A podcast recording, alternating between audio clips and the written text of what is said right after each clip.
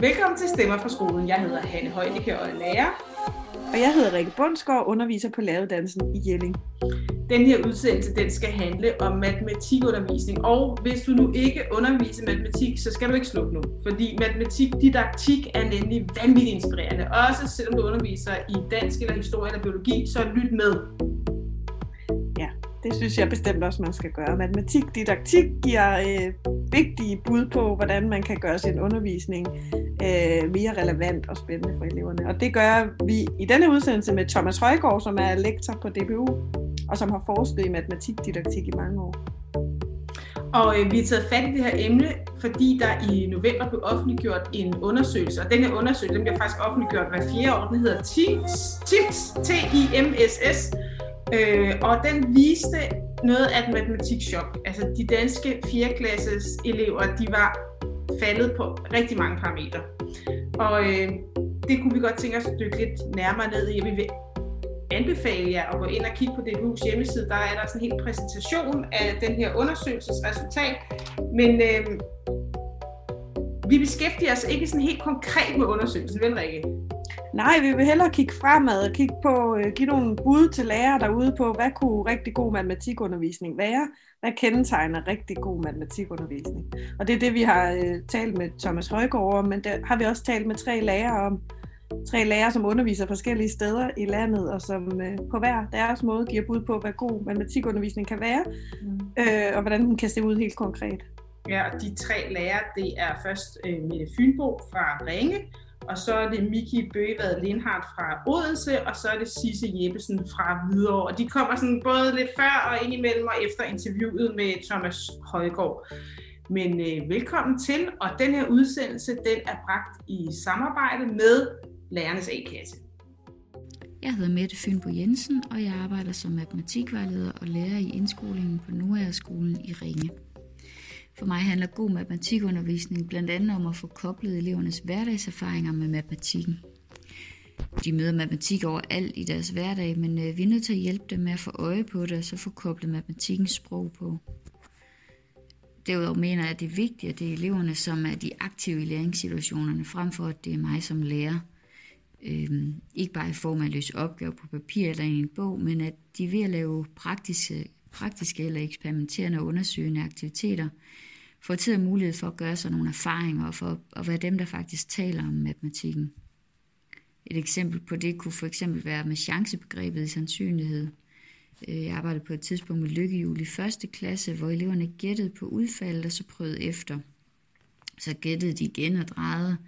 Og det vigtige var, at der var tid til mange gæt og øh, efterprøvninger, for at få deres, øh, deres overvejelser og deres resonemanger på banen. Bagefter så skulle de selv lave nogle lykkehjul, hvor der var henholdsvis lige stor chance for, for de forskellige udfald, de nu havde valgt, eller, eller meget større chance for det ene udfald frem for et andet. Og øhm, jeg også synes, jeg oplever, at når de selv skal kreere opgaver på den måde, så får de brugt den viden, som de gerne skulle være kommet frem til i de her eksperimenterende aktiviteter, samtidig med, at det så giver dem en, en stor følelse af ejerskab og stolthed over, at de faktisk kan, kan lave øh, typer af opgaver, som de andre kan løse. En anden aktivitet, som øh, mine elever i første og anden klasse ofte har været grebet meget af, den hedder fredagshygge, øh, hvor de med udgangspunkt i deres egen familie klipper i reklamer og, og regner sig frem til for eksempel på prisen på fredagshygge hjemme hos dem. Og i den opgave så alt efter hvilket fokus man lige har i, øh, i klassen eller det, man nu gerne vil have som lærer, jamen, så kan man arbejde både med regnestrategier, regnehistorier og overslag, eller, eller en af de fire regningsarter, alt efter hvad man nu lige har på programmet. Øhm, det kræver bare, at man vinkler åbningsspørgsmål lidt efter det. For eksempel så kunne det være, hvad koster fredagshygge hos jer? Eller hvor mange stykker slik får man hver, hvis man øh, køber den her pose? Øh, opgaven kan også åbnes og gøres undersøgende ved at fortælle, at en familie for eksempel har købt for 120 kroner, men man ikke kan huske, hvad de har købt, øh, hvad man det kan være, og så kan eleverne ud fra reklamerne prøve at, at regne sig frem til, jamen, hvad kan egentlig give 120 kroner. Og det, det giver mulighed for både at lave nogle lette løsninger for de elever, der har lidt sværere ved det, men det kan også øh, give nogle øh, mere avancerede løsninger. Og på den måde så giver det også en stor mulighed for differentiering. Øh, jeg synes, det er rigtig vigtigt i den type aktivitet, at eleverne efterfølgende også får sat sprog på det, de har arbejdet med, og forklaret deres løsninger, og, og dermed også øh, får sat noget fagsprog på, og nogle, noget af det symbolsprog, der også ligger i matematik. Et sidste eksempel på, øh, på en, en aktivitet, som, som jeg synes er god, det kunne være, at man gik på geometrijagt eller mønsterjagt på skolen eller i området omkring skolen. Og igen så handler det om at få øje på matematikken i verden omkring os, altså hvilke former møder vi, kan vi finde noget med symmetri i, og hvor hen ser vi egentlig mønstre. Og når eleverne så har fået koblet fagbegreberne på i den efterfølgende snak, man måske har, jamen så, så beder jeg dem tit om at lave opgaver til hinanden. Og hvis det for eksempel handler om mønstre, jamen så, så beder jeg dem om at lave starten på et mønster med, med nogle konkrete, jeg har udvalgt. Det kunne være perler eller centicubes eller noget andet med farver og former. Og, og derefter så går de så rundt og skal fortsætte hinandens mønstre.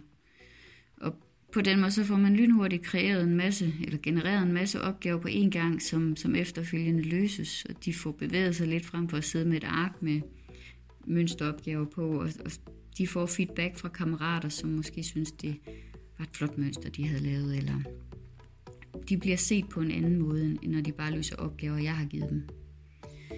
Generelt så oplever jeg, at eleverne i indskolingen, de hurtigt bliver optaget af de her kreative og undersøgende opgaver øh, især hvis de opdrager med den type matematik, til at, at de også skal bidrage med noget sprogligt i undervisningen. Det kan godt være en, en udfordring med de lidt større elever, at, øh, at de har været vant til at løse mange opgaver i en bog eller på ark, og derfor har lidt modstand på, når matematikken ser lidt anderledes ud. Thomas, velkommen til Stemmer på skolen. Vi er glade for, at du vil deltage. Du er, jo, øh, du er jo forsker i matematikdidaktik, og du har ikke været med til at udføre den her Teams-undersøgelse, som vi har taget udgangspunkt i, i den her udsendelse. Men, øh, og det er, der, det er heller ikke derfor, vi har inviteret dig. Vi vil ikke have, at du skal sige noget specifikt om, hvad undersøgelsen viser, men vi vil gerne tale med dig om, med afsæt i de her resultater fra Teams, hvordan øh, du måske med baggrund i din forskning kan give bud på, hvordan man kan kvalificere matematikundervisning. Men først så vil jeg gerne bare lige spørge dig helt kort. Hvad tænkte du, da du hørte resultaterne fra Teams øh, undersøgelse undersøgelsen blive fremlagt? Jeg tænkte, at øh, for det første tænkte jeg, at selvfølgelig som alle andre, at, at det var da ærgerligt, at, at det efter er gået frem øh, med de resultater der i nogle år, så nu går tilbage. Men jeg tænkte også, at øh, det er det er vanskeligt at tolke på den slags øh, fremgang målt ved sådan nogle meget, meget generaliserede undersøgelser, fordi der ligger, der ligger jo noget, nogle konkrete praksiser og nogle konkrete udfordringer bag, som man helt naturligt ikke får viden om, når man mm. spørger på den generaliserede måde og den sådan på lang afstand måde, som man gør i undersøgelser som Teams. Så lige så meget som jeg synes, det kan være nyttigt at få sådan noget generel viden om, øhm, hvordan, hvordan svarer elever på ting, og hvad mener lærer om ting, så er det meget svært, synes jeg, at konkludere derfra og ned til, at løsningen må så være, at fordi mm. resultaterne handler sådan set ikke om, hvad der foregår ude i skolen, og det, det påstår dem, der laver det heller ikke. Det handler om, hvordan elever svarer på nogle opgaver, og hvordan lærere svarer på nogle spørgsmål i et spørgeskema. Mm. Og det er altså relativt langt fra, fra at stå ude i praksis. Så, så mm. der er betydelig vej i at komme fra at have sådan en bekymring, som man kan bruge sådan en, en tilbagegang der til at generere, og så til at gøre noget, der faktisk flytter og ændrer og forbedrer. Tror jeg. Mm. Og det, der ja. er heller ikke nogen, der påstår andet, men der er bare nogle gange nogen, der har lyst til på politisk niveau ja. sådan lidt at kortslutte udviklingsprocessen og sige, når nu vi ved sådan, så må mm. vi kunne sige, derfor er der brug for at gøre sådan. Og så får man ja. sådan en, hvor man skal sætte ind præcis der, hvor på de områder, som eleverne ikke har svaret tilfredsstillende på. Så laver man sådan nogle meget for snævre løsninger, der hedder, så skal underviserne jo simpelthen bare bruge mere tid på det, for eksempel. Hvis de nu bare brugte mere tid på de spørgsmål, som Tim spørger om, så kunne de vel få pokker svare. Og det er en mm. rigtig dårlig måde at udvikle undervisning på. Mm. At stange konkrete opgaver ud og sige, lige præcis det der skal I bare træne mere, for så begynder man jo at træne svaren til, hvad testen tester. Ja. Altså, og det har sjældent været nogen god idé. Nej, nej, og det sker jo desværre nogle gange netop, at det er det, politikere måske kan gribe til som et svar. Det gør det. Det sker ja. jo både med, når, når, når der er teamsundersøgelser og PISA-undersøgelser, og, når der, og endnu mere, når der er nationale test og sådan noget. Mm. Ikke? Så, så der kan sagtens være, være forskellige nyttige ting, man kan få ud af at lave sådan nogle test, mm. men, men det direkte at vide, hvad man så skal gøre for at forbedre praksis, det er altså ikke en del af det, tror jeg. Nej, okay. Hvis vi nu, der skal man gøre øh, andre ting, og ja. Hvis vi nu starter sådan helt øh, oppefra og kigger på matematikfaget, hvis du så skal sådan, jeg ved godt, det er nok et lidt svært spørgsmål at starte på, men, øh, men hvis du skal sige, hvad god matematikundervisning er for dig, kan du så, øh, kan du så give sådan nogle buzzword, havde jeg sagt? Ja, altså, god matematik, altså, i en vis forstand, så kan man sige, at god matematikundervisning er jo sådan formelt defineret ved det matematikundervisning, som, som øh, efter bedste evne øh, realiserer undervisningens formål på et eller andet givet niveau.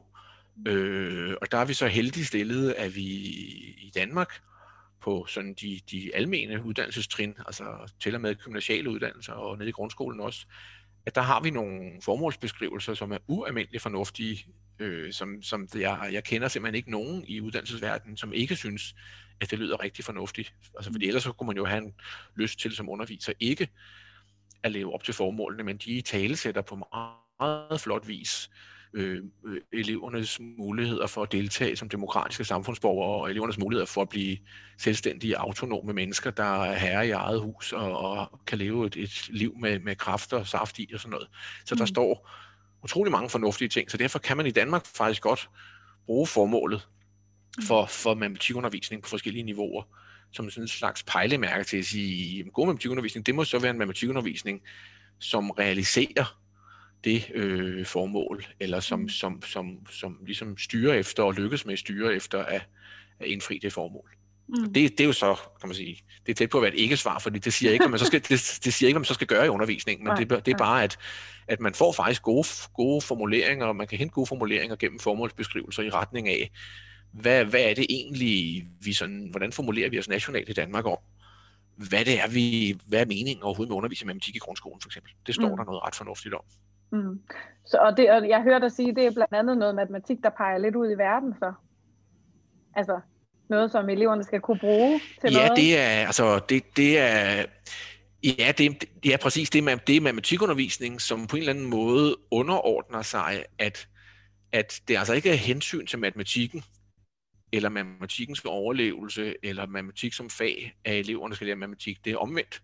Mm. Altså, at, mm. at man skal tilbyde eleverne matematikundervisning, fordi man på en måde, hvor man er overbevist om, at hvis jeg gør det sådan og sådan, så bibringer jeg da eleverne noget, som simpelthen er nyttigt mm. for samfundet og for dem, og, og for deres kommende gørne og laden på arbejdsmarkedet og alle mulige andre ting, men det er mm. altså det er matematikundervisningen, der skal stille sig servilt til rådighed mm. for at hjælpe samfund og individer og, og uddannelse og arbejdsmarked med mm. at øh, få nogle gode mennesker ud Altså til glæde mm. for både dem selv og alle mulige andre. Det er ikke omvendt. Det gælder generelt. Det er, det er ikke eleverne, der ligesom bare eller noget får lov til at gå, komme på besøg ind i fagene og skal være glade for det. Det er omvendt, når man mm. snakker grundskole og gymnasie. Ikke? Mm. Mm. Øh, I modsætning til, til når man begynder at studere fagene på andre niveauer, så kan man godt begynde at argumentere for, at hvis man læser matematik, så er det måske faktisk meningen, at man simpelthen skal inkultureres i, i hvad er det egentlig for et fag. Men det er en anden snak. Altså, men det mm. gælder helt notorisk ikke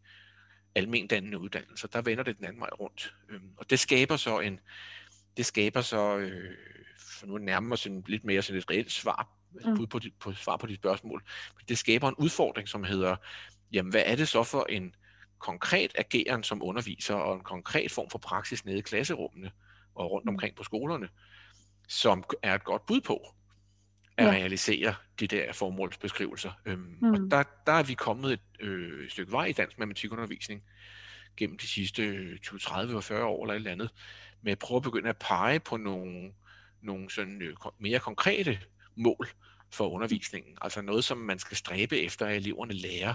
Mm. Kan du give sådan helt til, til novisen, der lytter, måske undertegnet selv, kan du give et helt konkret bud på en, en matematisk kompetence, Øh, ja, jeg, altså, de, der, der er især sådan... Øhm, der er især øh, fire af de kompetencer, som er en del af også af, af fælles mål for mm. grundskolens matematikundervisning. der er fire af dem, som jeg især selv har arbejdet med at, at indtænke i sådan en relation der mellem, hvordan skal det her mål forstås og arbejdes med i undervisningen, hvis, det, hvis vi skal holde fast i, at det altså skal være en måde at, at, at være tro mod det fornuftige formål for undervisningen. Mm. Den ene kompetence, det er den, der hedder modelleringskompetence. Og den, den handler sådan i grove træk om at, at, lære, at blive god til at lære eleverne at kunne bringe matematik i, i, i spil som mm. analytisk værktøj i situationer, der ikke i udgangspunktet sådan set overhovedet er rammesat matematisk. Altså mm nogle standardeksempler er sådan noget med for eksempel, at når man når man står i en indkøbssituation for eksempel, som alle mennesker i Danmark jo gør før eller siden i deres liv, så kan det at bringe matematik i spil på forskellige måder faktisk godt være rart og en hjælp. Ikke for, fordi, at det er rart at bruge matematikken i sig selv, men fordi, at indkøbssituationen simpelthen kan håndteres bedre, for eksempel ved at lave et overslag, eller ved at lave et budget, inden man køber ind, eller endnu mere, hvis man skal planlægge et indkøb til noget, til sin eget husstand, eller til en fest, eller til en ferie, eller hvad det nu kan være, så er det på forhånd at kunne regne ting og sager ud, inden man står der. Det er jo immer væk et stærkt tankemæssigt værktøj at kunne skrive noget ned, og få et overblik, før man overhovedet står nede i butikken, frem for bare at hive ting ned af hylderne, og gå hen til kassen, og så konstatere, at man var løbet tør for penge, eller at man ikke havde råd til alt det, man havde planlagt. Ikke? Det er sådan den, mm den matematikrensede, men meget besværlige måde at opdage på, om man har penge nok. Ikke? Der er det simpelthen mm, meget, ja. det er simpelthen bare nemmere at regne igennem med matematik på forhånd, ja. inden man står og hiver tingene ned i, i, i kurven ja. over i butikken. Ikke? Så det er et eksempel mm. på, at, mm. at det at bygge en matematisk forestilling om den indkøbssituation, konkret gennem et budget, det er en hjælp til at håndtere en hverdagssituation, som ikke har noget med mm. matematik at gøre. Og matematik mm.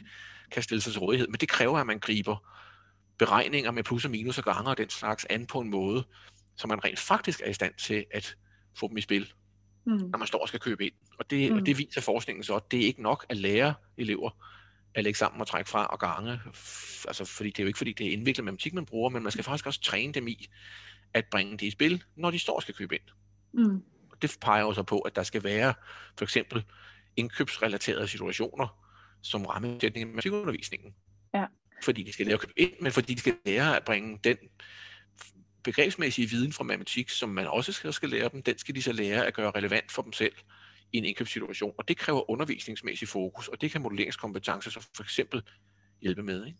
Så det, så det at kunne overføre, eller sådan kunne forestille sig at stå i nogle situationer, hvor man skal bringe matematikken i spil i virkeligheden, det er noget af det, man, man så Ja, eller også gøre det konkret. Altså, det, ja, det, det, kalder okay. i virkeligheden, det kalder i virkeligheden på at, at etablere nogle, nogle, nogle mere eller mindre reelle øh, kontekster og situationer, altså kompetenceorientering inviterer til at gå i retning af at lære eleverne at håndtere øh, forskellige former for livsrelevante situationer på en mm på en øh, fagligt inspireret måde, kan man sige. Mm. Ikke? Hvad, har, hvad mm. har matematik at komme med, når vi skal købe ind? Mm. Og så kan man i matematikundervisningen være i det leje, der hedder, vi skal på den ene side gerne, det, det er rart at blive god til at håndtere en indkøbssituation, mm. og lige nu er vi i matematikundervisningen, så lige nu spørger vi, hvad matematik har at komme med. Ja. Og, så, og så er vi i det leje. Det er ikke det samme mm. som bare at gå ned og købe ind mm. og træne det. Det er heller ikke det samme som bare at undervise i matematik. Det er at være i lejet mellem situationen og udfordringen indkøb mm. og så faget matematik, og så kende noget til begge dele, og lade eleverne arbejde i det leje. Og det mm. kræver mm. både viden om matematikfaget, og det kræver viden om kontekster, for eksempel indkøb, øh, for nu at bare tage noget ret simpelt. Så det flytter undervisningen et andet sted hen, end bare at undervise i plus, minus og gange. Det er ikke ja. det overflødiggør ikke undervisning i plus, minus og gange, men det præciserer, at det at kunne plus, minus og gange er altså, er altså rekvisitter mm. til at blive empowered og til at blive myndig mm. og til at blive øh, demokratisk øh, handleparat og alt muligt andet fornuftigt, man kan sige om, om grundskolens formål. Er der ikke noget matematik, som er så kompleks på en eller anden måde, så det er svært at se det ind i sådan øh, modellering der? Eller kan alt matematik på den måde puttes i anvendelse? Sådan. Det, nej, der er, altså, der er matematik, som bliver så komplekst og så abstrakt, som man i første omgang har lidt svært ved at ligesom se det mm. i sådan en anvendelsesmodelleringskontekst. Og, og der er i hvert fald masser af matematik, når man kommer op på universitetsniveau, hvor, hvor det ikke rigtig giver mening primært at motivere det gennem mm. sådan en modelleringskontekst, men hvor man lærer det, fordi at det passer ind i en matematisk øh, en opbygning af matematik som fag, eller mm. for at lære matematik at kende, skal man også kende om det, men så er man over i nogle andre typer begrundelser. Ikke? Så det er et eksempel mm. på, at, at det virker rimeligt i grundskolen, så at sige, jamen vi skal, vi skal, vi skal sådan set ikke vi skal sådan set ikke primært måle, måle om vi lykkes på, om, om vi får lært dem avanceret matematik teknisk set. Vi skal, mm. vi skal, vi skal måle vores grad af succes på, i forhold til modellering på, om vi lærer eleverne at håndtere relevante situationer på en matematikinformeret, matematikmæssigt inspireret måde. Og det indebærer at lære dem noget matematik, men det indebærer for eksempel typisk ikke behovet for nødvendigvis super avanceret matematik. Nej. Så det flytter over, det, kompleksiteten ligger ikke i, hvor teknisk indviklet matematikken er. Kompleksiteten ligger i det der didaktisk set komplekse øh, samspil mellem en kontekst, der ikke er tænkt fagligt, og det at bringe faglige tænkemåder i spil. Mm. Og det viser sig at være spændende og inspirerende og svært og alt muligt andet, men, men det er en anden kompleksitet, end at gøre det teknisk indviklet for enhver pris. Mm. Og som ja, du selv var lidt inde på, måske er der nogle ja. gange en modsætning nærmest. Ikke? Hvis man insisterer ja. på teknisk kompleksitet, så kvæler man muligheden for at gøre undervisningen relevant gennem kontekst, fordi, mm. fordi så fjerner man sig fra almindelige menneskers øh, liv og arbejdsliv og alt muligt andet. Mm. Fordi at, at det er ikke altid den avancerede matematik, der er den mest relevante i alle mulige sammenhænge. Mm. Jeg får lyst til at spørge dig, det, øh, hvordan, fordi tit når vi, når vi, vi har også lavet en udsendelse om anvendelsesorienteret øh, undervisning i alle fag, det er jo sådan en måde, som måske didaktisk mange, der tænker, at det er en god måde at mm. arbejde på. Mm. Og så er der tit nogle lærere, der siger til mig, jamen eksamensformerne, de ser helt anderledes ud. Så hvis jeg laver den type undervisning, så, så kan mine elever ikke honorere den, den, øh, det, det, der venter til sidst. Er det også, går det så også gældende i matematik, eller, eller tænker du... Det gør, at... det, det gør det faktisk på en meget, meget unik måde. Ikke i dansk Nå, matematikundervisning okay. på grundskoleniveau. Nej. Det er ret interessant. De er meget misundelige rundt omkring i verden, når, når vi forskningssammen taler om måder at gribe den situationen og summativ evaluering et helt andet på, fordi i, i, i, i afslutningen, øh, i afgangsprøverne efter grundskolens matematikundervisning, der har man, som man har over hele verden, en skriftlig prøve, som man gør, hvad man kan for at, at tænke i retning af nogle af de her øh, typer overvejelser, som vi lige snakkede om, men det har nogle gange lidt svære vilkår i kraft af formatet. Men så har man også en mundtlig prøve, som er meget unik, innovativt tænkt, hvor eleverne i grupper i flere, ti- i flere timer i træk får lov til netop at sidde og drøfte den her type overvejelser, som vi lige snakkede om før. Altså de, mm. de, de kunne for eksempel få sådan en problemstilling, eller den vi lige snakkede om, måske løftet lidt i, i sådan situationsmæssig kompleksitet, når det nu er oppe i 9. klasse, men ellers mm. noget lignende, hvor de så simpelthen skal diskutere med hinanden, hvordan vil I bringe matematik i sving, og hvor det faktisk er situationshåndteringen på den fagligt relevante måde, der er det, der bedømmes. Okay. Det kræver netop et, det kræver et omslag, som vi så heldigvis har lavet i Danmark, hvor man, hvor man laver en ramme om, om eksamenssituationen, hvor der gives tid til at være i en situation, fordi det kræver mm. tid, mm. og hvor der gives tid til at diskutere med hinanden og gøre sig overvejelser frem for udelukkende at regne ud. Ja. Man sige. Der, der, der er vi meget langt fremme, hvad angår muligheden. Ja. Der er nogle udfordringer med, med at løfte den opgave som lærer med faktisk at få lavet en undervisning, så eleverne kan eksamineres på den måde, vi snakker om her. Men rammen mm. er faktisk rigtig, rigtig god, og man, man prøver på kommersielt niveau at at gå i samme retninger på, på teknisk gymnasium og handelsgymnasiet, især teknisk gymnasium, er man også kommet langt i de retninger, hvorimod man på STX er lidt mere tilbøjelig til at holde fast i sådan klassiske måder at tænke matematik på, og derfor også klassiske måder at evaluere matematik på. Så, og der er så stort pres på mængden af matematik, man skal omkring. Altså pensumets omfang er så voldsomt. Så bestræbelser på at gøre fornuftige ting, eller det vi lige snakkede om, mm. bliver tidsmæssigt klemt ude. Også blandt folk, som vidderligt vil ønske, de kunne det. Altså, mm. det, det skaber stor frustration blandt dem, som har lyst til det her. Men det gælder faktisk ikke grundskolens matematikundervisning. Der er tale om, at rammerne muliggør det, og det flytter så udfordringen fra at være, jamen, det kan jo ikke lade sig gøre, til at være, jo, det kan, men hvad skal der til for, ja, at vi så som fagmiljø, og at lærerne som lærergrupper, kan fylde den ramme ud. Øhm, mm. Og det er en helt anderledes, der, der er masser af udfordringer der i dansk matematikundervisning, mm. men det er bare en anderledes konstruktivt sted at være udfordringsmæssigt, end hvis det var de generelle rammer, som, som forhindrede det, fordi så kunne folk med en vis ret sige, læne sig tilbage og sige, det nytter jo ikke noget, så længe rammerne er åndssvagt. Det, det er faktisk ikke rigtig fornuftigt at gøre, hvis man er grundskolelærer matematik i Danmark. Nej, det synes Nej. jeg ikke. Og det synes jeg er meget godt. Så har vi ligesom den ude, kan man sige. Mm. Men, der, men så står man selvfølgelig tilbage som lærer med, med et anden, en anden udfordring, fordi hvordan laver man så sådan en undervisning? Og du, du nævnte, du nævnte, der var nogle flere kompetencer ud over modelleringskompetencen, som også Altså som man også øh, skal arbejde med.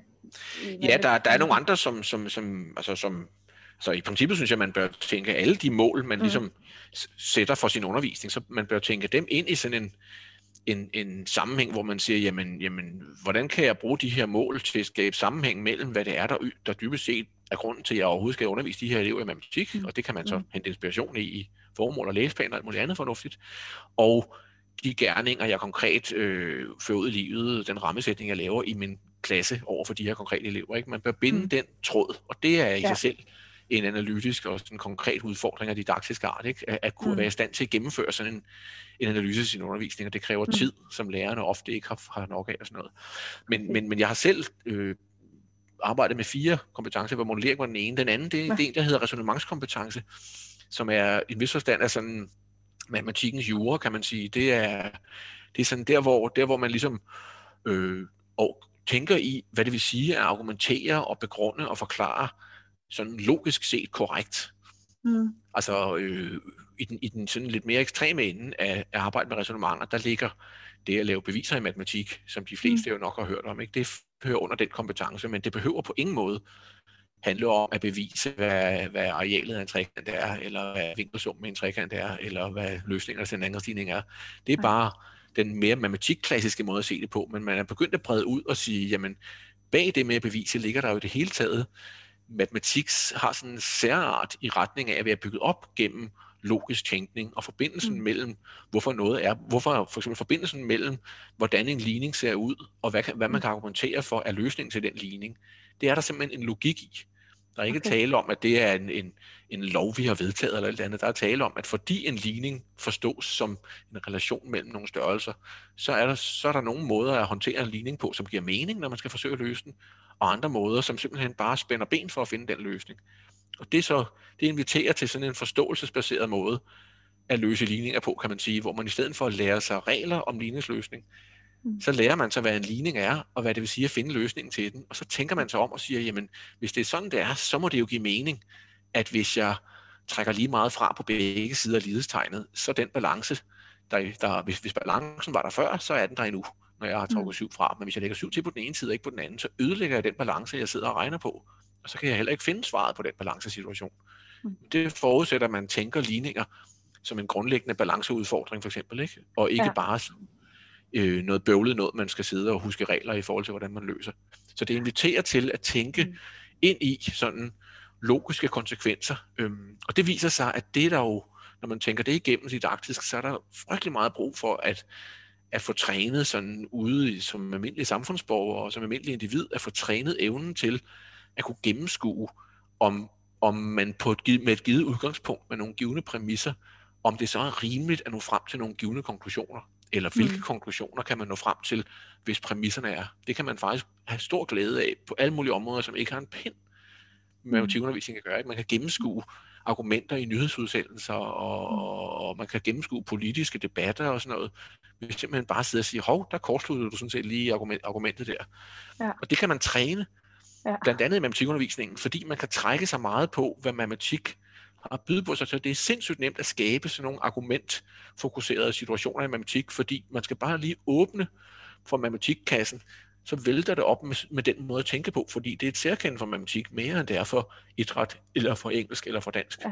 Ja. Jeg har selvfølgelig ja, også aspekter af det, men ja, ja. matematik er propfyldt med det, og derfor er matematik et godt sted at øve sig i den mm. måde at tænke på. Men igen, for at bruge samme sådan parallel, som da vi snakkede modellering, mm. så kræver det så som underviser, at man ikke tænker resonemanger primært som noget, der skal til, fordi at det er rigtig vigtigt, at, lære, at eleverne lærer at bevise, hvad arealformlen for en trekant er, fordi det er faktisk ikke i sig selv super Nej. vigtigt, at skulle elever lære det, men det kan godt være vigtigt, at de lærer at gennemskue, hvad en formel er, og lærer at forstå, at om en formel er rigtig eller ej, det er noget, vi kan arbejde med, at ligesom en gang for alle afgøre. Det er ikke et spørgsmål om, vi skal, vi skal ikke stemme om, hvilke af tre forskellige bud, der er, det, der er den bedste arealformel for en trekant. Vel, det giver ikke mening at stemme om. Mm.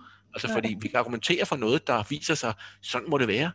Ja. Så, kan vi argumentere mod noget andet, hvor vi kan sige, nu har vi forklaret, sådan kan det ikke være. Ja.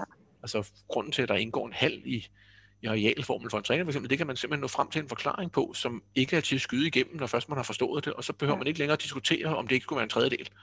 Fordi, fordi det er en halv af de her de grunde. Øhm, og, og, så det kræver, at man flytter undervisningen som matematiklærer hen til at sige, jamen endemålet er i virkeligheden situationer, som inviterer eleverne mm. ind i at tænke logisk, argumenterende, resonerende.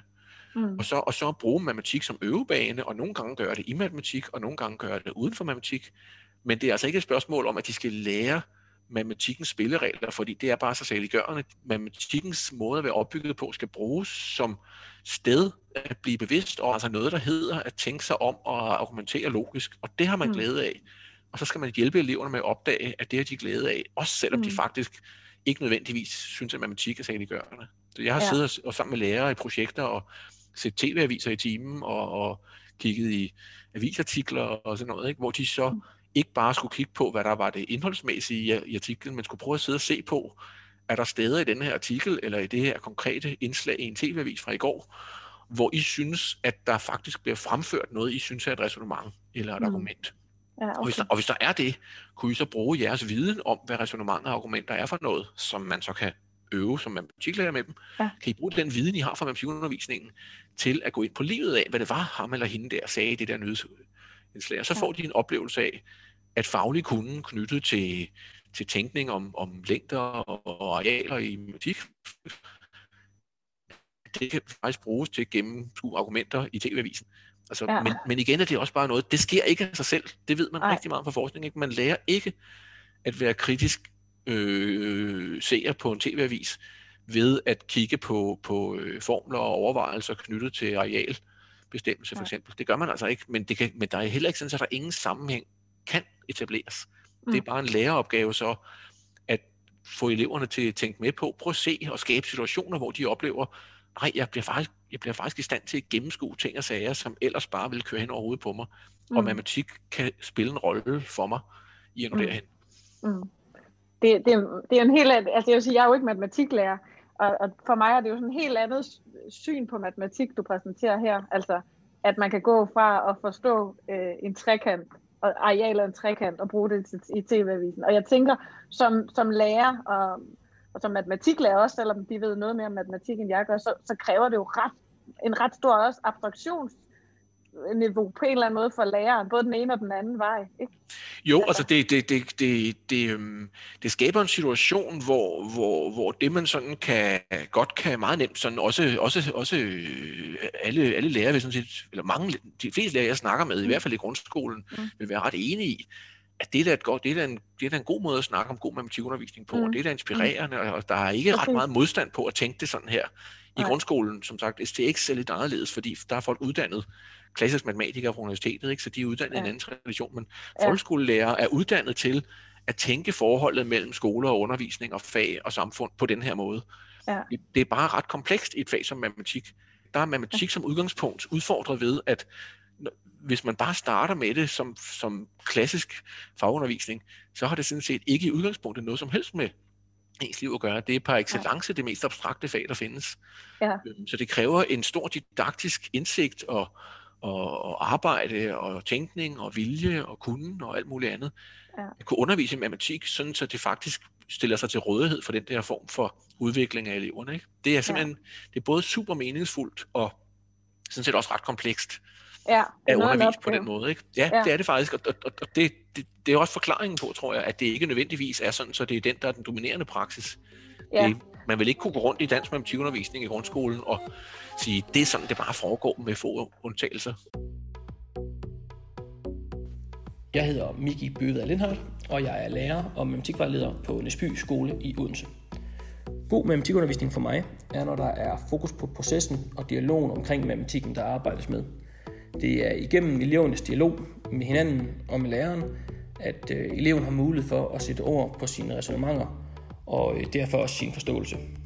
Det, det er også her, at eleven har mulighed for at, at udvikle deres egen øh, tankegange ved at lytte og forsøge at forstå andres resonemanger. Øh, dialogen spiller en stor rolle øh, i forhold til at få elevens øh, resonemanger og forståelse tydeliggjort, så derfor skal dialogen også fylde meget i undervisningen. Og der er ikke nogen tvivl om, at det godt kan være svært for nogle elever at fortælle, hvordan og, og hvad de tænker om en given opgave. Både det at, at kunne forklare sig, men også ture at forklare sig, det kan være rigtig svært. Derfor er det også rigtig vigtigt, at man får skabt et klasserum, hvor det er, at alle er med til at gøre hinanden dygtigere. Især også et rum, hvor det er, at der er plads til at fejle, og hvor der er plads til at undre sig højt. Øhm, og derfor så kan det godt være, at man skal gøre brug af forskellige måder at, at, øh, at præsentere sine resonemanger på. Øh, nogle vil måske hellere optage deres øh, forklaring på en iPad eller på en telefon, mens andre ikke har noget mod at præsentere mundtligt, men, men helst i små grupper. Og så er der måske en sidste flok, som, som slet ikke har noget mod at, at gøre det fælles på klassen. Resonementkompetencen, den kan komme i spil i, i alle stofområderne og på mange forskellige måder og på mange forskellige niveauer. Når jeg i indskolingen arbejder med regnstrategier, så lægger jeg op til, at eleverne de skal resonere. De har for eksempel arbejdet med 10 venner og pluspar, og så kan det være, at de får et regnestykke, for eksempel 5 plus 7. Og der skal de så finde forskellige måder at regne det ud på. Og det er jo her, deres resonemanger kommer i spil. Det kan være, at de ser muligheden for at lave en 10'er-ven ved at ændre lidt på tallene. Man kan fjerne 2 fra 7, så hedder det 5 plus 5 plus 2. Eller man kan fjerne 2 fra 5, så den hedder 7 plus 3 plus 2. Og det kan også godt være, at de laver regnstykket om, så det bliver til et pluspar i stedet for. Simpelthen laver 7 plus 5 om til 6 plus 6. Og på den her måde, så bliver deres resonemanger ligesom tydeliggjort i forhold til, hvordan, hvordan er det egentlig, vi tænker, at den op egentlig her skal gribes an. Og jo flere resonemanger man ligesom sådan får, får i spil, jamen desto større forståelse får børnene også.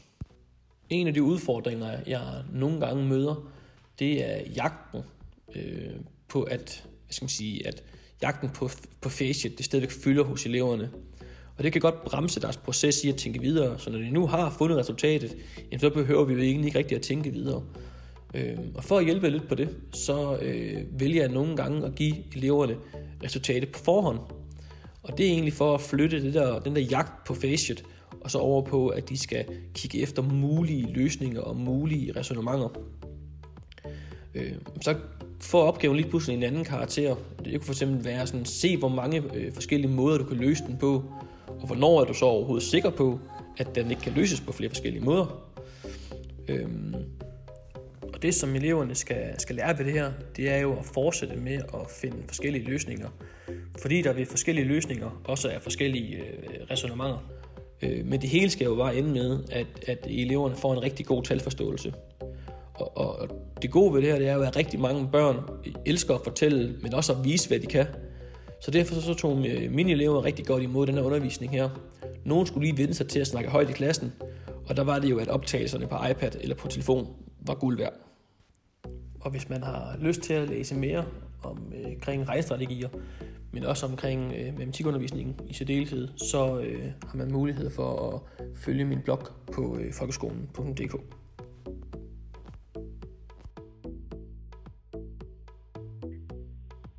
Hvis jeg er sådan lidt fræk, så kunne man godt have sådan en fordom om, at øh, matematikundervisningen ude i skolen, det, den, den ofte var sådan, at børnene sad på deres plads med hver deres matematikbog og individuelt løste nogle øh, sådan lidt færdighedsorienterede opgaver.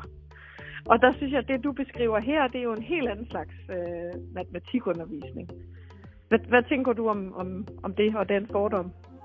Ja, det, det tror jeg desværre, der er stykker af vejen noget om. Altså, øh, at, at, at det vi, det vi snakker om her med at lave sådan noget kompetence, situationsorienteret matematikundervisning, vil ikke være det, man, det, man gennemgående ser som det dominerende, hvis man rejser rundt og besøger matematikundervisnings matematikundervisningsklasserum i landet, tror jeg desværre. Øhm, mm. Og, det, så kan man jo tænke, hvordan kan det være? Fordi det er faktisk ikke, fordi der er, som jeg i hvert fald oplever det, og med de mange, mange matematiklærer, jeg snakker med og samarbejder med, så er det slet ikke, fordi der er modstand på den måde at gøre det på. Mm. Tværtimod. Altså, det, folk synes, det er utrolig meningsfuldt og, og spændende og alt muligt andet, men, men, men, men der er bare tale om, at, at det, er, det er svært og komplekst, og det kræver tid, og det kræver faglig viden og fagdidaktisk viden og god tid til forberedelse og sådan noget. Det er sådan en kompleks, ambitiøs måde at undervise i faget på. Øhm, og, og, og det, der så øh, yderligere sådan, øh, sådan, øh, sætter streg under udfordringen, det er, at der findes desværre en en relativt øh, nem og, og simpel måde at lave matematikundervisning på, hvor man fokuserer mm. på sådan rutiner knyttet til de enkelte begreber, altså færdigheder, og, og simpelthen bare øver ligningsløsninger øver øh, addition og øver øh, sætte ind i formler og beregne arealer og hvad det nu ellers kan være af teknikaliteter. Og der har matematik en meget eksplicit og synlig side i sig, som kan trænes, og som man faktisk også bør træne, også i den anden kompetenceorienterede måde, der man undervisning på. Man skal jo man skal jo kunne lave sine beregninger for at kunne øh, lave sit budget mm. nede i, nede i, i øh, indkøbssituationen for eksempel. Ikke? Men mm. hvis man kommer til at fokusere på, at simpelthen sidde og lave additioner, eller sidde og lave, sætte ind i arealformler, så misser man bare den der træning, elevernes mulighed for at øve sig i, faktisk at bruge det i, i kontekster. Mm. Og, og der, der er desværre meget matematikundervisning, både i Danmark og andre lande, som forfalder til den der simple didaktiske kontrakt, hvor man, hvor man tydeligt fortæller, hvad, hvad det er, der skal øves, og så er det nemt at lave opgaver med matematik altså, til, til at øve det. Ikke? Altså, det er jo nemt at forstå, hvorfor nogle opgaver man skal stille, hvis man vil lære eleverne at løse en bestemt slags ligninger. Ikke? Så skal man jo nok mm. stille en masse af de ligninger og bede dem løse dem. Mm. Øhm, og det er nemt at forstå, og nemt at mm. gennemføre, og det er også nemt at være elev i. Mm. Og det er også nemt at være forældre i og lære i alt muligt andet. Så det er på alle måder et simpelt setup for matematikundervisning, som, som heller ikke sådan synligt bryder sammen. Der læres jo noget, og man kommer et skridt videre, og den er nogenlunde nem at forberede, og ofte kan, man, kan det klares ved bare at slå op i bogen og arbejde videre derfra, hvor man kom til. Mm. Så, så hvis, man, hvis man er presset, eller hvis man øh, på tid, eller hvis man er presset på egen formåen, eller hvis man er presset på, på mulighed for uh, samlet set at tænke sin undervisning igennem, eller, eller hvis man ikke har haft mulighed for at sidde og tænke nogle af de her overvejelser igennem, som vi to nu har snakket om, øhm, så, så, så findes der en tilbagefaldsløsning, som er simpel og gennemførbar, og, og ikke sådan umiddelbart en katastrofe, men som bare slet ikke realiserer potentiale i undervisningen, som det mm. kunne være. Ikke? Og der er meget, desværre meget om psykoundervisning, der er meget, der tyder på, at i den matematikundervisning forfalder til den der nemmere og mere hurtigt forberedte, men også meget mindre ambitiøse ja. matematikundervisning på. Så jeg tror, man ender et sted, hvor matematikfaget på sådan almindeligt andet niveau er nok, jeg vil gætte på, at det var et af de fag, som, som både ligesom potentielt set kunne have det mest komplekse setup, hvis man skal gøre det rigtig godt, og, og hvor det er utrolig spændende didaktisk at komme fra det abstrakte videnskabsfag matematik over til at gøre det relevant for en grundskoleelev. Mm. Men også har det mest umiddelbare tilbud om at køre instrumentelt mm. ja. øh, i, i sin undervisning. Ikke? Begge dele ja. er en mulighed i matematik, øhm, ja. og det vil sige, at matematik er nok det fag, der er mest plaget af, tror jeg, at man laver tilbagefald til noget instrumentelt, hvis ikke man af forskellige grunde øh, kan gøre det andet, eller overgår, ja. eller ved, eller har lyst til at gøre det andet. Øh, ja. Så det, det skaber potentielt en afstand mellem, hvad der sker i praksis, og hvad man kan gå og snakke med hinanden om, burde ske, fordi det er faktisk ikke der, uenigheden ligger overhovedet. Nej, nej, og det er jo meget spændende, altså at man egentlig, mange, eller de fleste er enige om, at det der, det er god matematikundervisning, du beskriver, ja. men at ja. komme derfra, og så til, at det rent faktisk er det, der sker, der, der er et stykke vej. Jeg tænker ja, også, vej. Ja. Jeg, jeg tænker også, når man ser på Teams-undersøgelsen her, at en af, en af resultaterne er, at eleverne er blevet mindre glade for matematik. Jeg ved ikke, om, om, om man kan sige, at, at matematikfaget har ændret sig, så det er blevet mindre kompetenceorienteret, men man kunne da forestille sig, at hvis man arbejder på den måde, du beskriver, at det faktisk også kunne øge motivation for matematikfaget. Det, det tror jeg også. Altså, man kan sige, ja. nu, nu har vi øh, i den periode, hvor man har lavet teamsundersøgelser, der det startede tilbage i 90'erne engang, og, mm.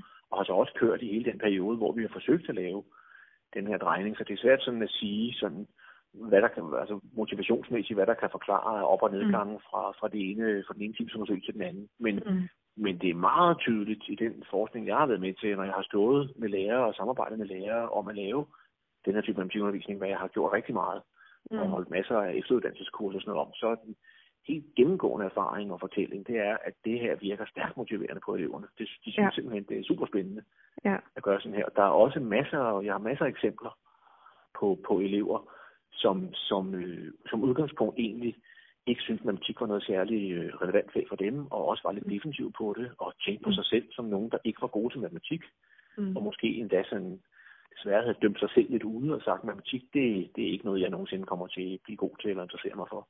Mm. Og så når jeg, så når jeg sammen med en lærer øh, lavede sådan omslag her og begyndte over lang tid overvis at undervise eleverne på den her kompetenceorienterede måde, mm. så lige pludselig så er der simpelthen en elevgruppe, der blomstrer og vokser mm. ved at få medansvar og det der med at gå ind i situationer og skulle være med til at fortolke og med til at diskutere relevans og mening og, mm. og faget versus, versus omverdenen og alt muligt andet. Det er der en masse elever, som faktisk synes er super spændende og lige pludselig tænder på og som jeg er helt sikker på ville svare, at de var stærkt motiveret for matematik, hvis man havde spurgt lige præcis de elever. Ja, Så og det er meget spændende. Jeg er der er en sammenhæng der, altså, men man kan Ja. jo ikke rigtig generalisere det, hvis det ikke er... Altså, man kan godt undersøge motivationen aspektet af det her med kompetencer lidt mere systematisk, end jeg har været ja. involveret i, men, men det ville jo kræve, at det var meget mere udbredt at gøre sådan, Ja. hvis man for Ja, ja. alvor skulle kunne måle sammenhængen Ja. ikke? på en Ja, stor det er skala. rigtigt. Ja, det er klart. Så vi kan kun lige nu her snakke om, hvad vi forestiller os, og hvad du sådan har indikatorer på, kan man sige, for Ja. det kvalitative studie, du har lavet. Men, men Ja.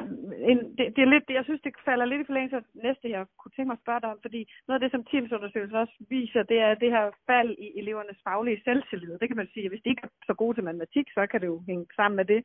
Men tror du også, at øh, altså, er der andre måder, man ligesom kan, kan kvalificere elevernes tro på dem selv i matematik? Du nævner det her med, at at, at der var en gruppe elever her, som, som ikke troede, de kunne noget, og så den kompetenceorienterede tilgang kan gøre noget ved det, eller, eller hvad?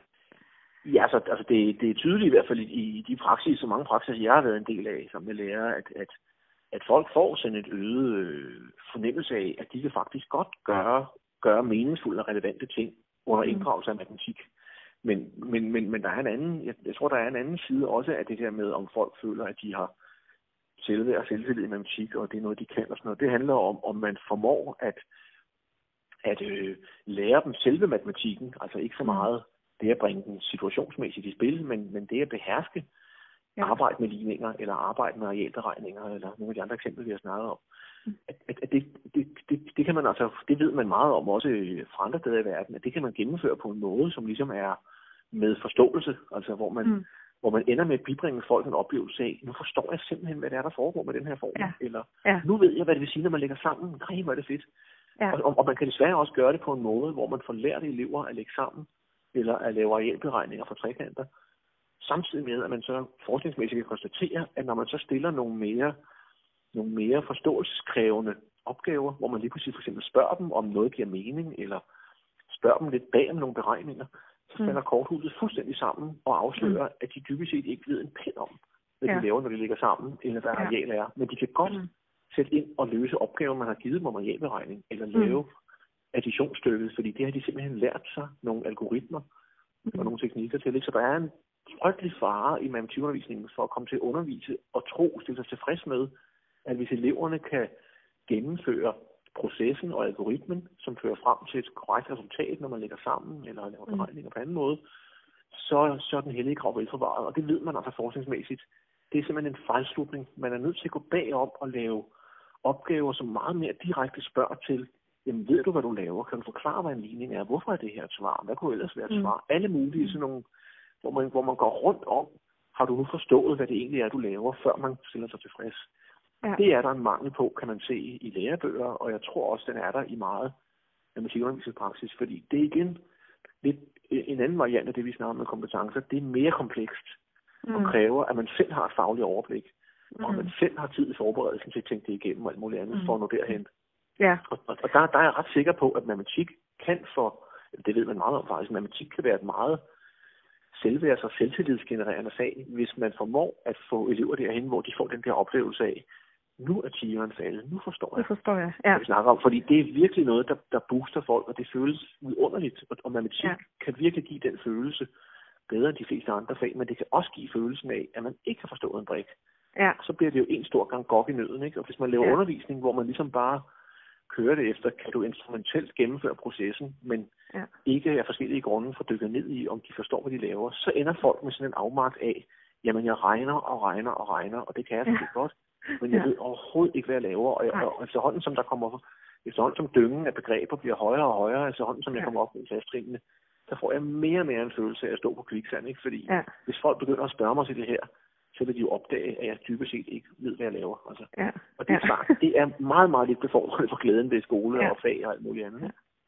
Så, så, så der er også en udfordring, kan man sige, for lærerne, eller i hvert fald også, og man kan også sige et argument for, hvorfor man ikke skal arbejde så instrumentelt med matematikundervisning, at det simpelthen, at, at der bliver noget mening, der simpelthen udbliver på en eller anden måde.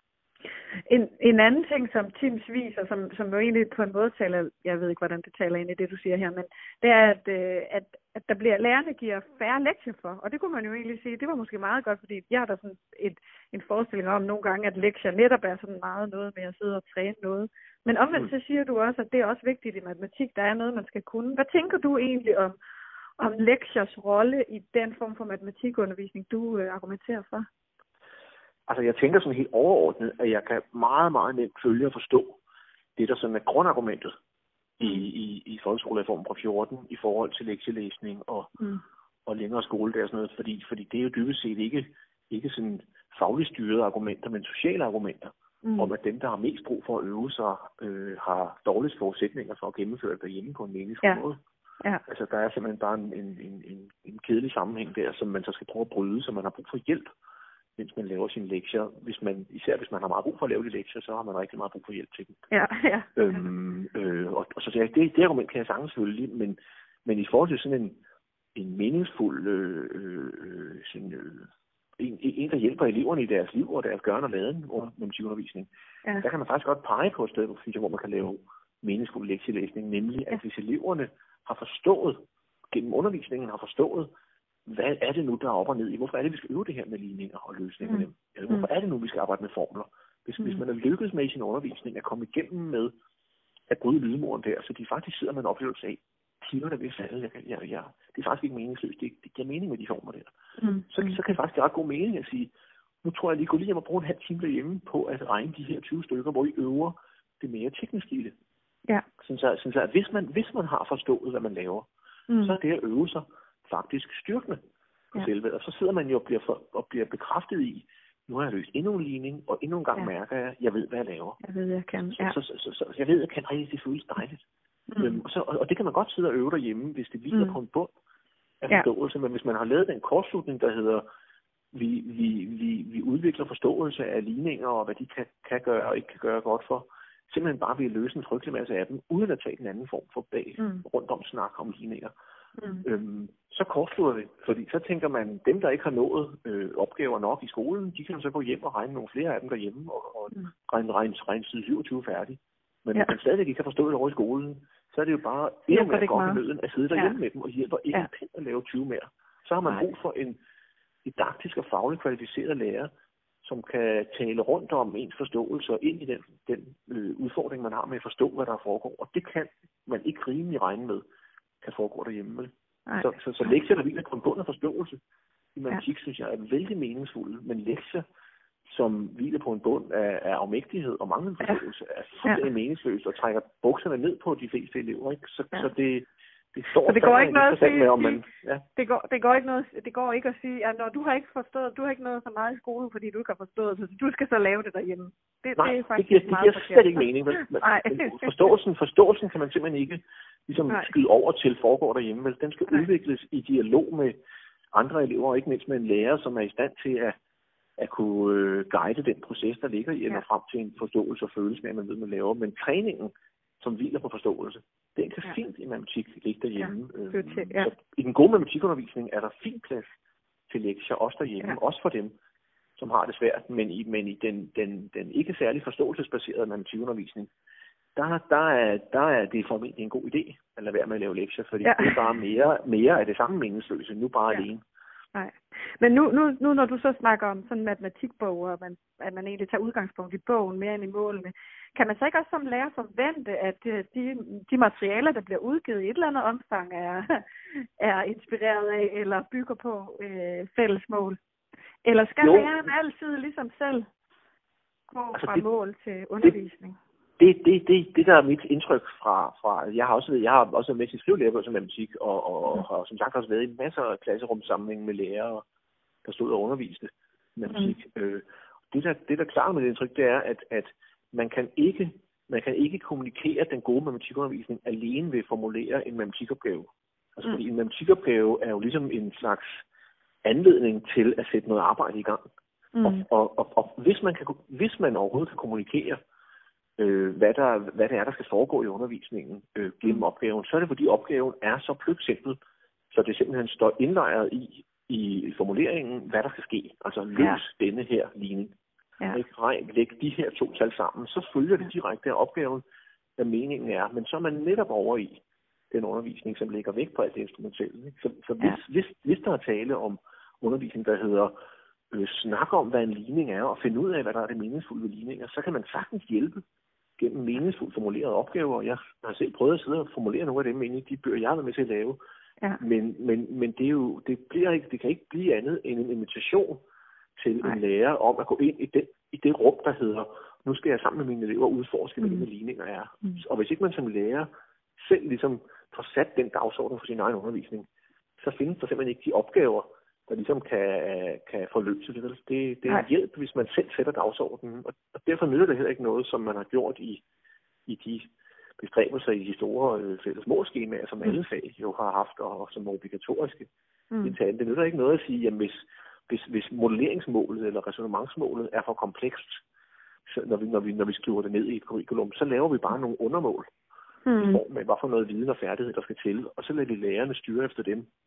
Fordi, fordi, fordi så sker der det, at hvis, hvis man så som lærer tager den viden og de færdigheder, der bliver beskrevet, så ender eleverne muligvis i bedste fald med at beherske viden og færdigheder, men det fører mm. ikke frem til kompetence, hvis ikke man som mm. lærer selv bygger den bro. Så der er ikke nogen vej udenom, at det er den, der skal undervise i det, mm. der skal tankemæssigt bygge broen fra, hvordan forstår jeg denne her øh, spændende og komplekse ambition, og til, og hvad vil jeg så gribe til at gøre i min undervisning. Mm. Til gengæld ved jeg så meget om, fra alle mulige praksisudviklingsprojekter, at hvis man går derhen som lærer, hvor man så tør sige, nu, nu spænder jeg modellering for vognen, eller resonemang for vognen, og siger, nu prøver jeg altså ud af med det, nu vil jeg blive god til det. Mm. Og jeg sætter gerne nogle forløb af, hvor jeg prøver det af, og sammen med mine kollegaer på skolen vil jeg gerne investere noget krudt i det. Og vi så holder nogle seminarer om det, sådan, hvor jeg står og underviser i noget, og de går ud og prøver det af, og vi snakker og mødes om det.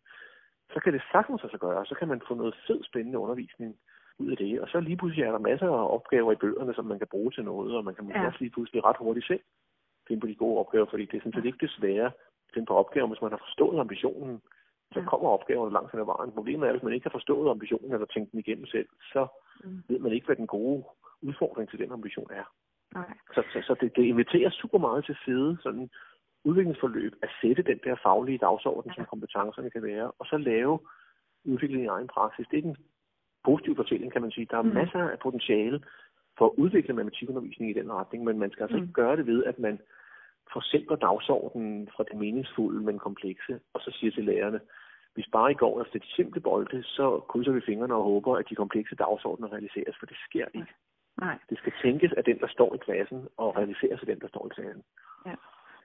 Så man kan sige, at læreren er forholdsvis vigtig for, at der øh, finder en meningsfuld og god matematikundervisning sted. Det er jo, det er jo faktisk meget godt lige at Læreren er fuldstændig omdrejningspunktet for det, ja. og, og, og, lærer, og, læreren, og læreren er nødt, man, man er som lærer nødt til ligesom at beslutte sig for, gerne sammen med nogle kollegaer, at, at, at gå ind i den øh, spændende, udfordrende øh, situation, det er at gå efter mm. nogle af de komplekse dagsordner for matematikundervisning, og så sige, hvis jeg øver mig i det, og jeg gør det over tid, og jeg får noget mm. hjælp, og og jeg får noget tid til at forberede mig og alt muligt andet. Hvis jeg kan skabe sådan nogle situationer, hvorfor skulle jeg så ikke kunne ende med at lave god matematikundervisning med de udgangspunkter, ligesom jeg kan med alt muligt andet? Altså, ja. Det kan også læres, og, og ja. det fede er, jo mere man øver sig, jo mere meningsfuldt bliver det. Så ja. lærere bliver meget glade af at være på efteruddannelse i med sådan nogle dagsordner her, men det, men det kræver altså en indsats, og det kræver noget rammesætning, og det kræver en vilje, at, at nu vil jeg simpelthen øve mig at blive god til det. Ja, øhm, ja.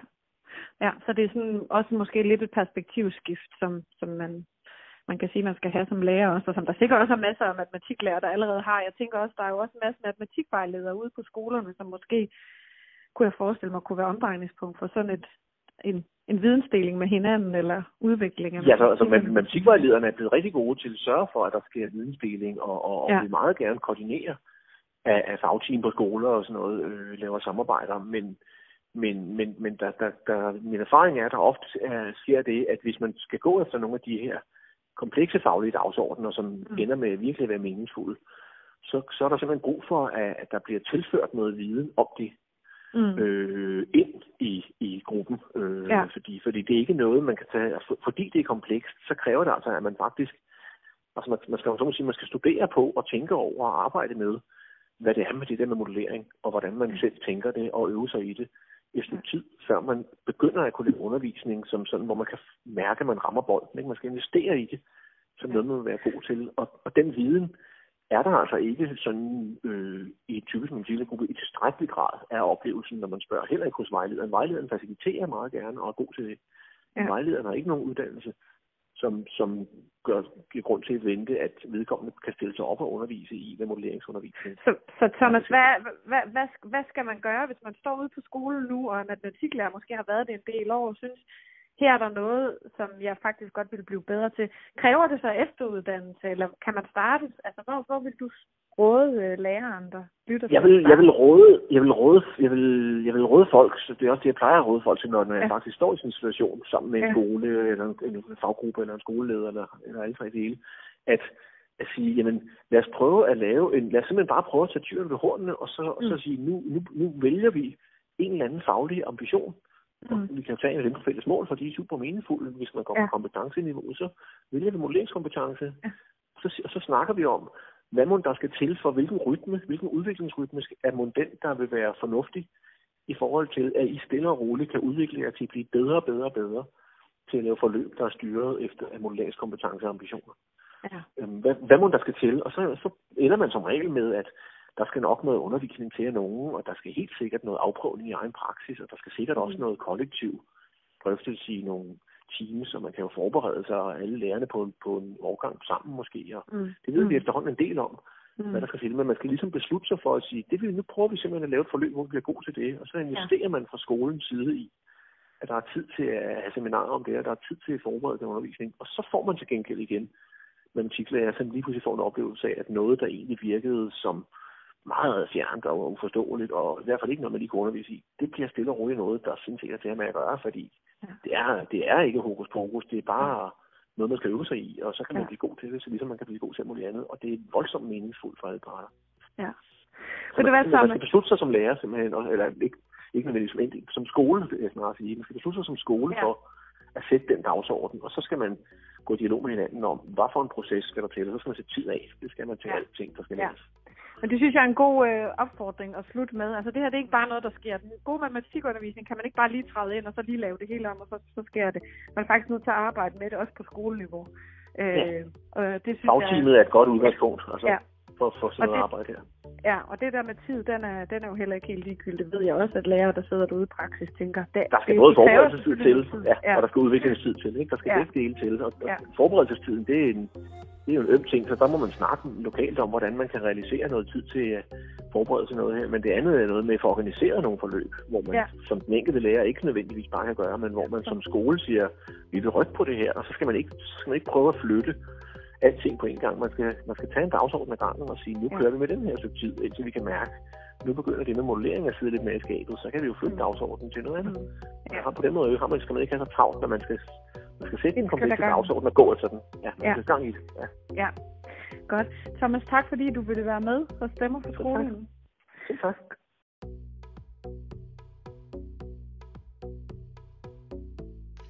Mit navn det er Sissi Jeppesen, og jeg har været på Præstemoseskolen i Hvidovre, hvor jeg underviser i historie, fysik, kemi og matematik i 6. til 9. klasse, og derudover er jeg også matematikvejleder. God matematikundervisning for mig er, hvor eleverne er motiveret. Det er virkelighedsnært. Der er god mulighed for at differentiere. Men vigtigst af alt er der ikke fokus på løsningen, men at vi undersøger flere og flere metoder og eventuelt også flere løsninger. Og så kan vi tage en snak om derfor udefra, hvad der er det rigtige. Med min 8. klasse har jeg lavet en aktivitet, hvor de skulle undersøge, hvor meget vand der kunne suges op i et sugerør, øh, der var sammensat af flere sugerør. De fik udleveret tre sugerør per gruppe, og så skulle de derudfra kunne fortælle, øh, hvor meget vand der kunne være i for eksempel 100 sugerør. De skulle altså opstille i en model, hvor de ligesom havde en eller anden beregning bagved. Processen den startede med, at de skulle give et overslag. De skulle tænke sig til, hvordan de ville finde frem til den her mængde. Og øh, så derefter skulle de gå i gang med at afprøve. Og når de så ligesom havde afprøvet, skulle de se, om der var noget, de kunne forbedre. Som afslutning for selve aktiviteten, så skulle de forskellige grupper fremlægge deres resultat for klassen, hvor vi også tog en snak om de forskellige modeller og hvad de var nået frem til. I den her måde undervise på, da eleverne har mulighed for at undersøge, hvad nysgerrig fordybe sig men det stiller også krav til os som lærere, at vi kan rammesætte Og hvis det her havde været 9. havde jeg helt sikkert ville have dem til at lave en rekreationsanalyse over deres arbejde og hvad de havde fundet ud af. Og det har krævet, at jeg har stillet krav til dem. En anden aktivitet, jeg har brugt i min undervisning, er fra 6. klasse. Her skulle de finde fire tal efter hinanden. Det kunne være 6, 7, 8 og 9. Og så skulle de skrive plus og minus mellem tallene på forskellige måder og finde så mange muligheder, der nu var med den her løsning. Derefter skulle de udregne de forskellige regnestykker, de nu havde. Når de havde gjort det, skulle de prøve med fire nye tal, der også stod i rækkefølge, og også sætte plus og minus imellem dem på for mange forskellige måder, de kunne, og se om de kunne finde sammenhængen. Efter skulle de lave en optagelse, hvor de forklarede, hvad de havde fundet ud af, og hvorfor. Og jo højere niveau eleverne havde, desto større krav havde jeg sat til dem i forhold til fagbegreber og metode. Så det er også en opgave, man nemt kunne hæve til et højere niveau ved at sige, at eleverne skulle lave en form for bevisførelse. I begge aktiviteter har eleverne taget rigtig godt imod dem, men på to meget forskellige måder. Aktiviteten omkring sugerørene, der nød eleverne, at de kunne afprøve noget, at de kunne snakke om noget, de kunne forsøge sig frem. Og så derudfra finde frem til en matematisk model for turene. Hvorimod at med aktiviteten omkring fire tal efter hinanden, synes eleverne, det var svært at skulle formulere sig omkring tal og hvad det var, de havde fundet ud af. Lad os se dem få den her aha-oplevelse, hvad der skete med fire tal efter hinanden og fire nye tal efter hinanden. Flere elever, der udtrykte begejstring og hjemme og fortælle deres forældre, hvad det var, de havde fundet ud af, gav en indtryk af, at de alligevel nok havde syntes, at aktiviteten ikke var helt dum.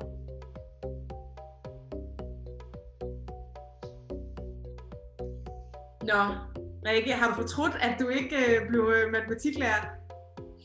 Ja, altså nogle gange, så kan man faktisk godt fortryde det lidt. Jeg synes, det lyder meget spændende. Det, de laver, de tre lærere, det er også uh, Thomas' bud på, på god matematikundervisning.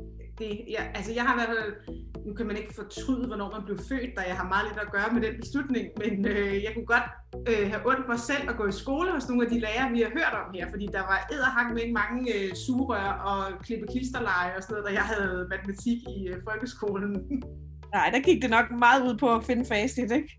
Oh, og lære nogle øh, ting udenad og sådan noget. Det, ja. det, vil sige, det lykkedes ikke for mig at lære matematik på den måde. Det kan være, at vi var blevet gode til matematik, øh, hvis vi havde fået lov til at arbejde med det. Sådan ja. her. Det havde vi også fået mere selvtillid, som jeg synes er en vigtig pointe øh, hos Thomas, at, øh, at det kan man faktisk, det er faktisk ret problematisk, når eleverne opgiver at tro på selv, at de kan lære matematikken. Ja, og, så, og det er jo vanvittigt, at man i en alder af næsten 44, halvt ind i livet, stadigvæk banker sig selv oven i hovedet og siger, at du kan ikke finde af matematik, Hanne. ja. Og, og øh, noget af det, som jeg også, øh, altså, som vi har talt rigtig meget om, Rikke, mens vi har lavet den her udsendelse, det er også det, at går man ind på en dansk skole i, i dagens Danmark, så vil matematikundervisningen også se meget forskellig ud. Ikke? Du kan gå ind i et lokal, og så sidder der 26 elever med hver deres bog, og en lærer sidder op ved katheteret, og det ligner måske rigtig meget noget fra dengang, jeg selv gik i skole. Ikke? Ja, men så kan man jo også gå ind i lokalet ved siden af og øh, møde noget matematikundervisning, hvor eleverne er i gang med at undersøge alt muligt, drøfte matematik med hinanden og øh, afprøve forskellige løsninger. Mm. Øh, men, men den, ja, hvad siger du, Han? Jeg synes, at øh, hvis man har mod på det her, som Thomas Højgaard siger i interviewet, at udvikle sig som matematiklærer, så altså matematiklærer for en ja, gå sammen på skolen og sige, vi vil gerne arbejde med den her ene kompetence i det næste skoleår, gå ind til jeres leder og sige, vi har brug for noget tid, og vi har brug for øh, en møderække, og vi har brug for at kunne co-teache hinanden til at udvikle matematikundervisningen på vores skole. Og ja, altså lur mig, om man ikke har en dygtig leder, der er super glad for nogle initiativrige og ambitiøse matematiklærer, som ikke giver dem den her tid. Det, det synes jeg bestemt også, man skal, fordi det man kan sige, det er, at det er jo meget tydeligt, at det kræver noget at være matematiklærer på den her måde. Altså, det er ikke bare lige noget, man går fra at sidde i matematikbogen, og så dagen efter, så beslutter man sig for, at nu vil man lave øh, en mere kompetenceorienteret matematikundervisning. Øh, det, og det tror jeg, det skal man jo have stor respekt for, tror jeg.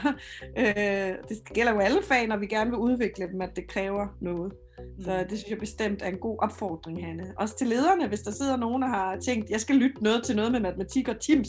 Det må være noget, jeg kan øh, bruge til noget. Så, øh, så synes jeg, I skal øh, give jeres matematiklærer tid og plads til at udvikle rigtig god matematikundervisning. Og øh, det tror jeg skulle være vores sidste ord for øh, den her gang. Vi lyttes ved øh, en anden god gang med et andet spændende emne.